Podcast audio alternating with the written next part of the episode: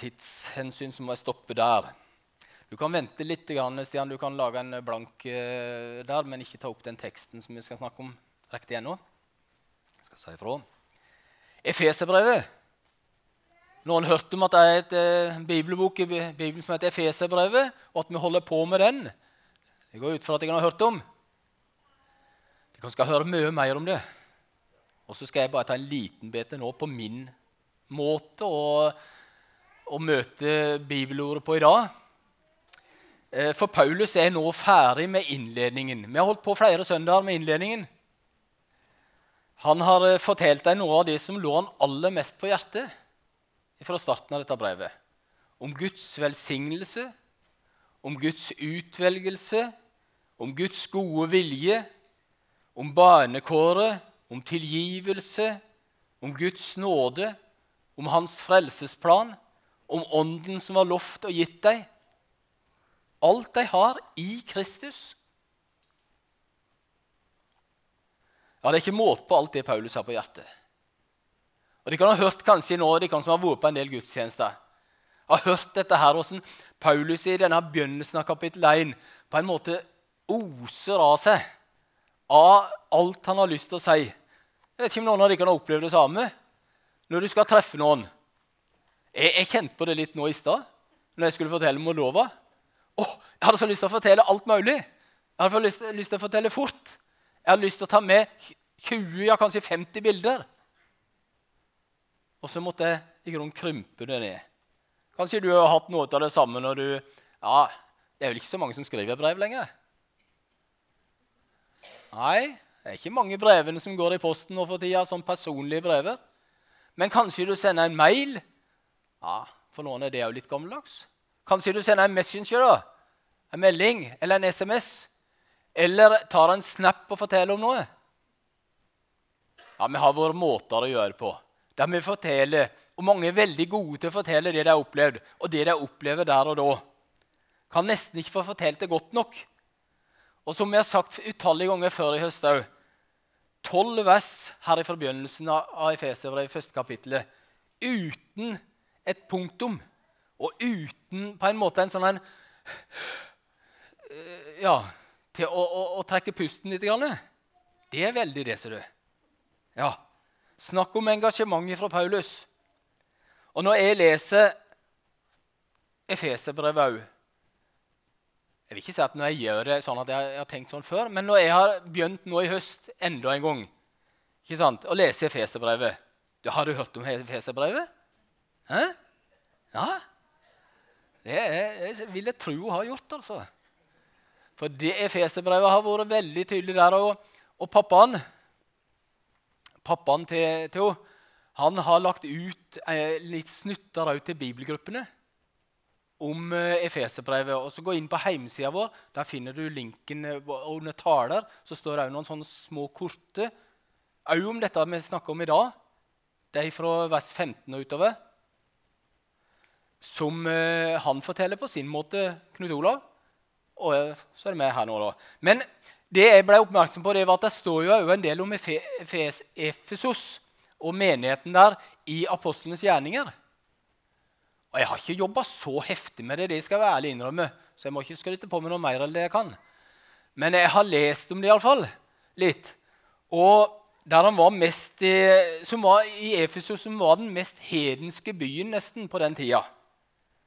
Var tempel, her var det tempelet til fruktbarhetsguden Artemis.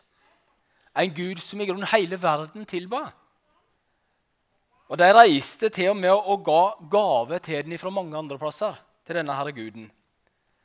Og byens rikdom den hadde sitt utspring her i denne måten de da var et samlingspunkt for mange mennesker på, som tilba Artemis. Men så ser det allikevel ut til, hvis du leser i Apostelgjerningen kapittel 19 og 20 rundt der, at Paulus var der en stund. Han var der et par-tre år. Han fikk tale der, og til ei folkemengde som både hørte og tok imot. Det var det. Og så gjorde Gud faktisk helt uvanlige kraftgjerninger ved Paulus' hender der. Folk lånte til ham arbeidsklærne hans og svetteduken hans til sine syke, og de ble helbreda. En sånn ting som vi kanskje ikke vi kunne tenke var naturlig å gjøre.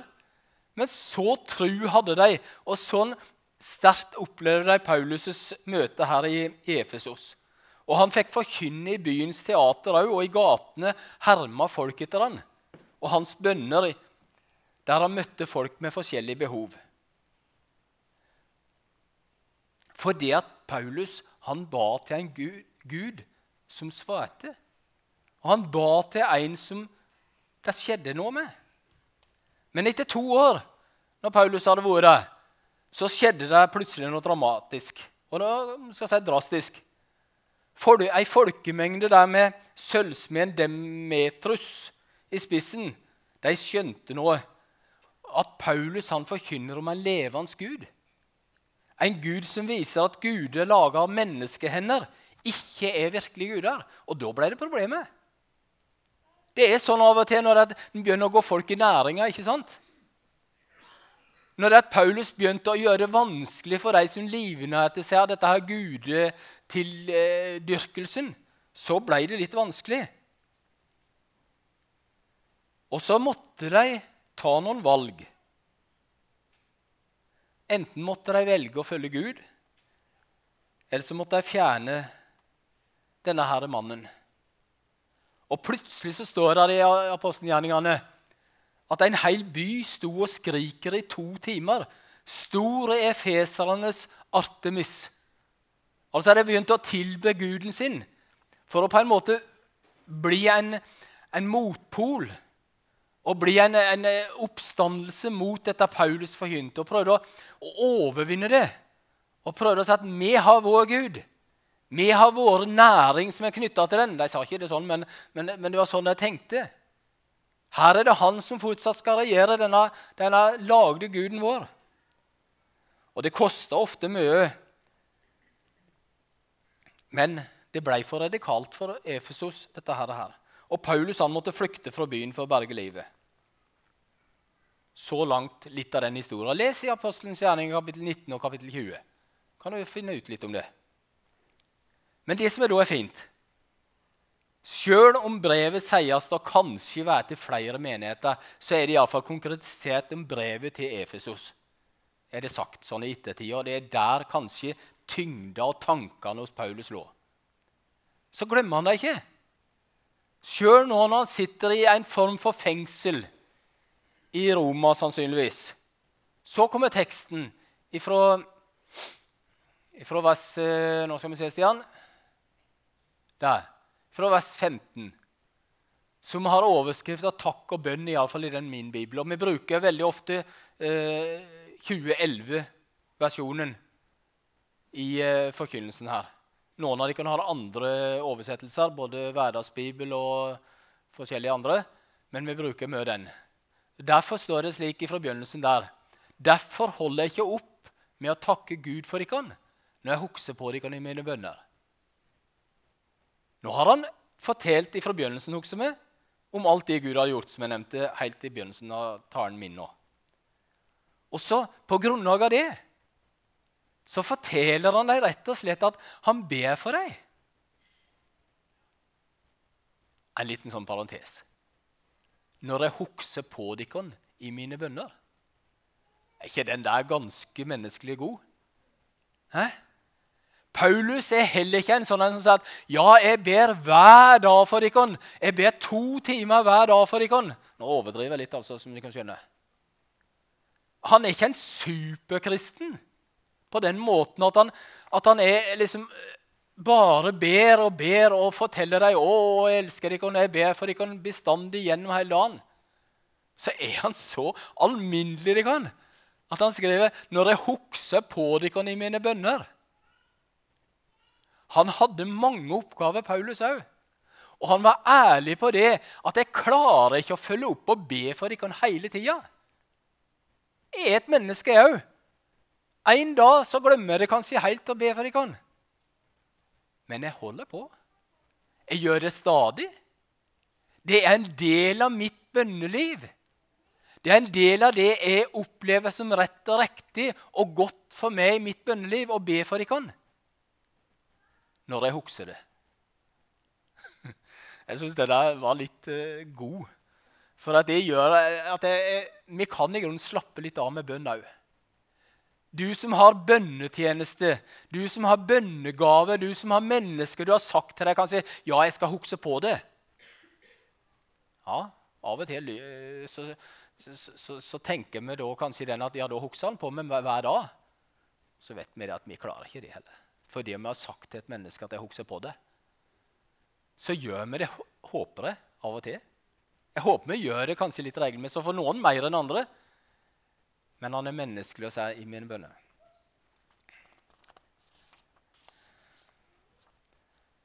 Fra tida han hadde vært hos dem, så visste han så absolutt at ikke de heller var feilfrie, de menneskene i Efesos. De hadde utfordringer både som enkeltmennesker og som fellesskap. Men så oppmuntrer han dem med at han ber for deg. Og Der kommer litt av det som er kanskje innledning til det jeg nevnte helt til begynnelsen. Hvor flott det er at vi kan be for en annen. Hvor flott det er at vi kan ha ei bønneliste om du har det. Eller ha noen mennesker du har spesiell omtanke for eller bønn for. Kanskje ikke alle, men jeg vet at noen har ei bønneliste. Noen har noen navn som de har skrevet skrevet opp. Jeg har nevnt på det tidligere vitnesbyrd òg. Åssen jeg har opplevd det i mitt liv. Og så oppmuntrer han deg med at han ber for deg. Ja, ikke bare ber, men han presiserer at han takker Gud for deg. Det er jo fint. Den lille vinklinga som han har her i denne, iallfall i vår oversettelse. og jeg tror det er sånn det så langt en kan forstå det som er skrevet i grunnsystemet. Det har ikke jeg så mye peiling på, men jeg får ta det sånn som det står i denne oversettelsen. I fall. Han takker deg. Kanskje vi har litt å lære der òg. Når vi har noen mennesker vi gjerne vil be for, og følge opp, så er det lett for oss å be og be og be i den form at vi ber. Og så står det at han takker Gud for, for deg. Det er en god Kanskje vi av og til kan vri litt på bønnene våre. At vi kan vri litt på vår kontakt med Gud, der vi, der vi legger fram for Han ting. Ikke bare 'Gud, nå må du være med Han og være med ho'. Sånn skal du få lov til å be av og til. Men sier at 'Takk, Jesus, for at du er med den'. Takk for at du er glad i det mennesket. Takk for at du tar deg av det mennesket i dag. Det er en fin eh, tanke å ta med seg i ditt bønneliv. Takk Gud for det du ber om. Takk Gud for at han For han er det ikke noen grenser. Ikke geografisk. Ikke mellommenneskelig heller. Takk Gud for det. Det må jo gjøre noe med deg, tenker jeg, når jeg får slik et brev. Det må gjøre noe med deg tror kanskje det er tatt med for at vi òg skal huske på annen i bønn og takk. Det gjør noe med oss Stikkon, når vi får lov til å be for og med en annen. Jeg har fortalt, som sagt, og jeg skal ikke bruke mange eksemplene. Jeg tar det ene som har vært veldig sterkt for meg gjennom hele min tjeneste. i alle fall. Var Tidlig på, på 80-tallet, når jeg var ungdomsarbeider her, så hadde jeg et menneske på på, på sykehjemmet jeg, jeg, tror det var Marie hun heter. Marie Øygardslia. Eh, og hun var et sterkt bønnemenneske uten å gjøre så mye ut av det. Men i mitt møte med hun flere ganger på, på sykehjemmet så kjente jeg at hun ba for meg. Det var veldig spesielt og sterkt. Og jeg merka det når hun døde. At det var noe som jeg mista. En forbundsmenneske. Så viktig. Jeg kunne ha tatt flere eksempler, men det var en opplevelse jeg hadde i mitt liv. At det var noen som ba for meg, og det gjorde noe med meg. Kanskje du òg har slike erfaringer. Eller du har en erfaring med at du har bedt for noen over tid, over lang tid, og det har betydd noe for noen. Har du et kort vitnesbyrd om det? Mikrofonen er din. Jeg utfordrer deg fra begynnelsen. Vær så god hvis det er noen. kort vitnesbyrd om at forbønn over tid for mennesker har gjort noe med det eller i ditt bønneliv? Kjetil, du tar den der sjøl. Tror han står på. Kan ikke det? Rett opp denne lille. Sett den opp, iallfall. Da er han på. Ja. Eh, det som slo, slo meg med en gang når Knut nevnte dette Det er jo mange mange år siden, og det er sikkert eh, over 50 år siden, iallfall, for jeg tror ikke jeg var mellom 18-19-20 år eller rundt der. Så var det pappa og meg. Vi var i, i til Jon Myhre.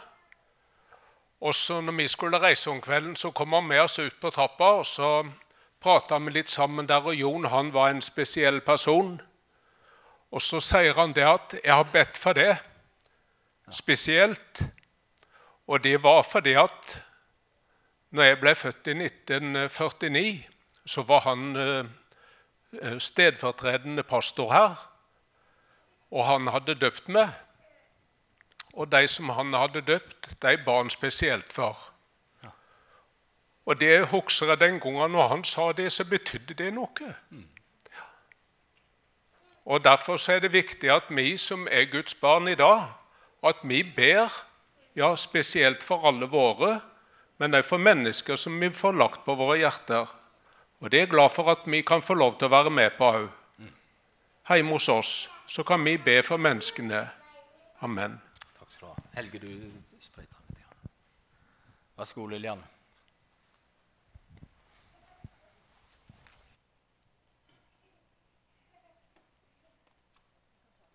Ja, bare vent litt, så skal du få den.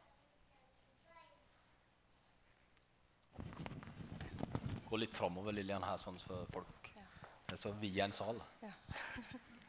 Jeg måtte bare planlegge hvordan jeg skulle gå ned når jeg satt der oppe. ja, jeg skulle være litt kort, da. Um, uh, helt siden jeg var ganske lita, så har jeg um, hatt um, uh, ja, jeg har hatt på hver kort eh, drømmer eh, innimellom der jeg har vært eh, eh, gått inn i Plutselig så får jeg se eh, mennesker som er i krig, eller er i et torturkammer. Eh, ja, som opplever forferdelige ting.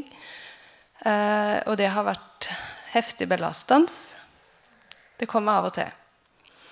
Uh, opp igjennom når jeg har vært voksen, og sånn, så er det ja, det første jeg tenker på om morgenen, eller det siste jeg tenker på om kvelden, det er ofte de bildene eller de tingene jeg har opplevd. Ofte i søvn eller um, Men så for noen år siden så, så sa Herren til meg at jeg måtte begynne å be når jeg opplevde det. Og det har jeg gjort. Og det som skjer, er at jeg kjenner at da, sammen med Herren, så får jeg være med inn i det som de menneskene opplever der og da. Enten i et torturkammer eller eh, på det mørke nettet. Hvis dere har hørt om det. Og så kan vi be sammen med Herren når det skjer, og når det på en måte er slutt.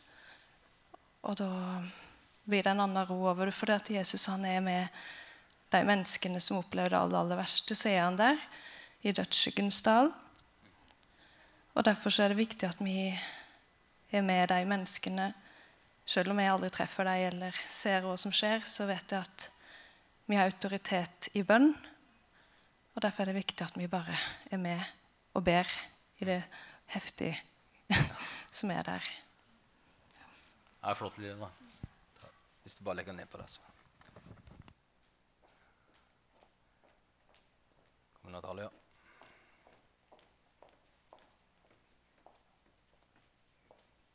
Du må stå frampå her, du òg, så jeg ser det. Ja, kanskje dere ville synes det er litt rart uh, å, å, be av og til for noe sånn uh, Jeg skal fortelle fra min historie. For uh, når jeg var liten, jeg var 13 år gammel, har vokst opp i en kristen familie. Og så har jeg mm, Nå er jeg jo ikke så veldig gammel, men jeg har sett veldig mye hvordan eh, er eh, f.eks. For mine foreldre, de jeg kjenner, har i ekteskapet, og hvordan de har det. Og det gjorde veldig mye inntrykk på meg på, på, mange måter, for jeg har sett mange som har det ikke så bra. Og da har jeg valgt når jeg var 13 år gammel, at jeg skulle be for eh, min mann. Som jeg visste ikke hvem det blir, eller hva.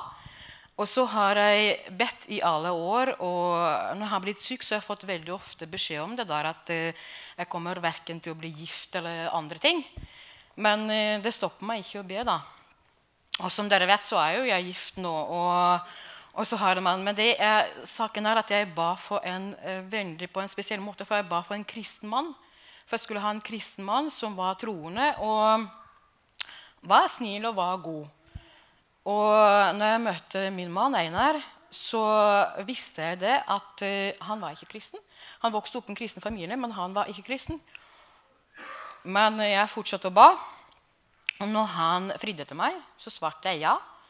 Og fått veldig mange kommentarer på det. Men du ber jo om kristen mann, og så sa jo du ja til en som er ikke kristen. Så tenkte jeg nei, altså det, det må jo være noe der. Og når jeg kom til Norge Vi gifta oss i 2006 i februar. Jeg kom til Norge i jula året før det. Skulle møte familien hans. Og så satt vi da vi kjøpte sånn et lite hus på Riise i Arendal. Og så hadde vi For eh, han eh, kjørte lastebil for Halvard Kaldal, som var fra Vegårshei med hjelpesendinger til Moldova og Ukraina. Og så når vi satt eh, der hjemme på Riise, så inviterte vi Halvard hjem og en som heter Harald Risdal som vi kjente veldig godt. Og så hadde vi nesten sånn som husmøte hjemme. Vi satt og sang, og de spilte trekkspill, og det var kjempefint. Og det var eh, akkurat en dag før nyttårsaften. Og det ble seint på kvelden, og så skulle de gå hjem. Og så sier Einar at eh, dere må ikke gå ennå, for jeg vil bli frelst. Så det var to måneder før vi gifta oss, så ble jo Einar frelst. Og jeg gifta meg en kristen mann. Og han er jo fortsatt det. Og jeg har bedt for det i elleve år. Jeg har fått jo veldig mye på det der at uh, det er ikke noe vitsen å gjøre, det er jo bare tull. Men uh, jeg har en kristen mann og jeg har en god mann. Og så er en liten ting, for uh, dere har jo bedt for jenta vår, for Vera Karin. Det er ikke lenge siden dere har begynt, men for da var hun på Sandvika, på sykehuset. Og vi venta på veldig mye svar og mye avklaring. Og vi har fått veldig mye svar. Det er en veldig vanskelig situasjon. Men eh, nå har vi fått allerede en lite bønnesvar som vi har veldig lyst som dere som menighet fortsetter å be for. For, eh, for oss som foreldrene det er av og til veldig vanskelig for å, å stå oppi det og be. Og av og til du bare møter bare motstand. Jo, føles det ut som jo mer du ber, jo verre blir det. Så det er jo, på oss er det veldig godt å se og vite at vi har en menighet som ber. Og vi har også fått nå en liten bønnesvar at hun har blitt tatt opp til en operasjon. Der hvor de skal eh, operere en sånn stimulator som kan eh, gjøre epilepsien hennes bedre. Og det skjer allerede neste måned. Og da har jeg veldig lyst til at dere skal fortsette å be at det skal funke. Mm. Flott. Takk skal du ha. Vi kan ta ett til hvis det er noen som sitter og brenner med et vitnesbyrd.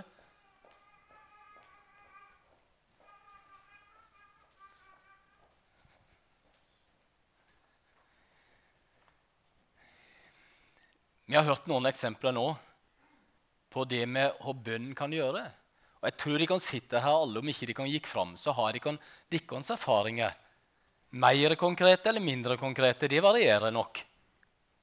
Mer liksom sånn bønnesvarrelatert, og noen ikke så mye.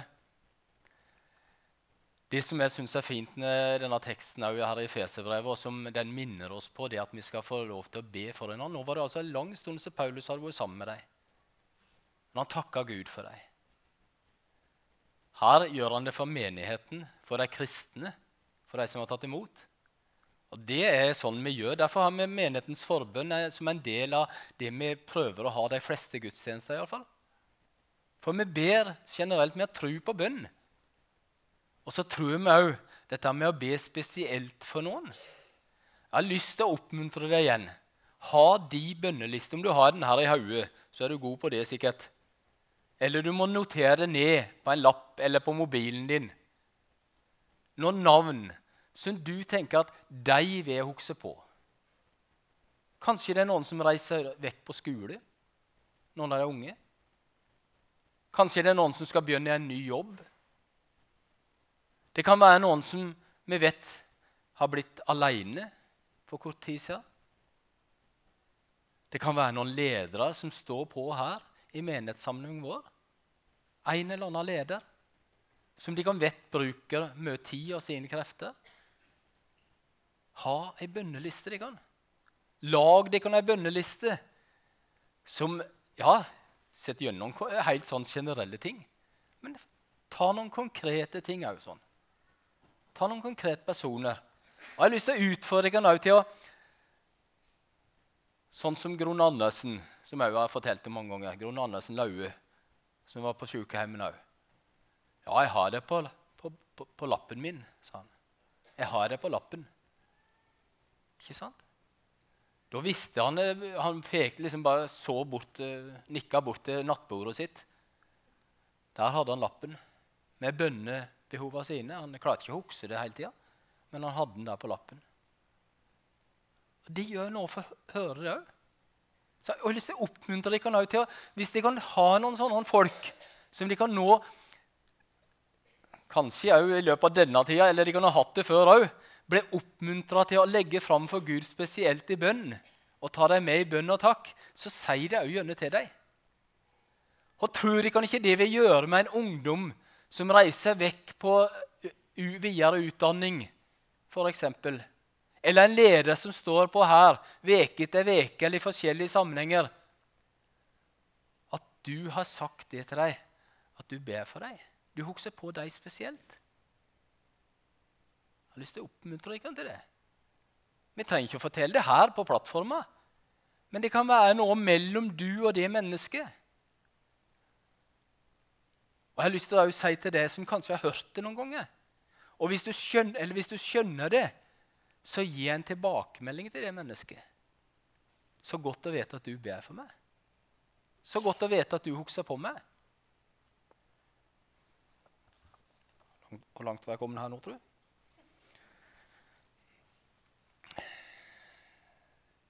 Jeg skal gå mot avslutning. Men Paulus han, han, han går videre her. Han, han slutta ikke der med bare at han skulle takke dem for at han hukse, og at han hukse, når han husker på dem i sine bønner. Men han snakker om at han er litt sånn konkret i bønnen sin. At de har en ånd som gir visdom og åpenbaring. Ja, vi kan godt være litt konkrete. Kan. Kanskje den vi ber for, hvis vi har en dialog av og til med den personen, er det noe spesielt du kjenner behov for? Paulus sier ber om at de må ha ånd som gir visdom med åpenbaring. Helt sikkert ut ifra de erfaringene han hadde med dem. Fordi han skjønte at de trong. At de måtte lære Gud å kjenne. Ikke bare de her eh, gudene som var eh, laga av menneskehender. At de måtte se håpet de var kalt til. Og at de måtte bli klar over den kraft som, bu, eh, som bor i de som tror. Nå følte jeg kanskje litt med i teksten her òg, at jeg tok det ut derfra. Faktisk så går han så langt som å sammenligne, eller rettere sagt vise til at den krafta som bor i deg, det er den samme som reiste Jesus opp fra det døde og ledet han hjem til himmelen. Da ble jeg litt matt. Hvis jeg som kristen eier den samme kraft som reiste Jesus opp fra døde, ja, men var ikke det helt spesielt, da? Ja, Det var i grunnen helt spesielt, for det var Guds sønn. Og han var en, si, en foregangsmann, og han, han gjorde det som ingen andre kunne. Men han gjorde det slik at vi òg en dag skal bli reist opp til et evig liv sammen med Jesus i himmelen. Det er den samme krafta. Det er ikke noe på å si, det er ikke bare en liten del engang. Det er den samme krafta. som er i de som tror, står det.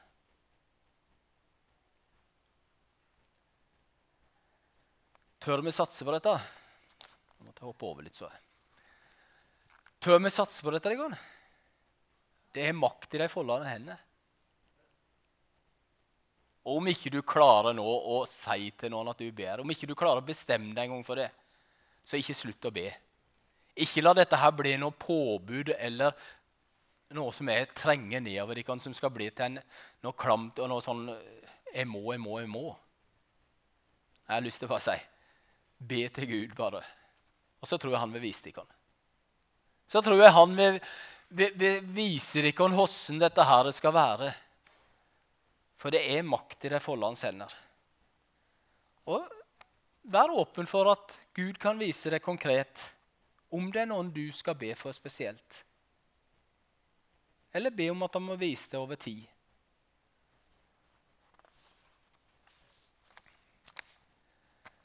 Vi vil synge litt den sangen. Det er makt i det folde hendene. En god, gammel sang som sier litt om det med bønnesvar, og som sier litt om det der vi kjenner på manglende bønnesvar.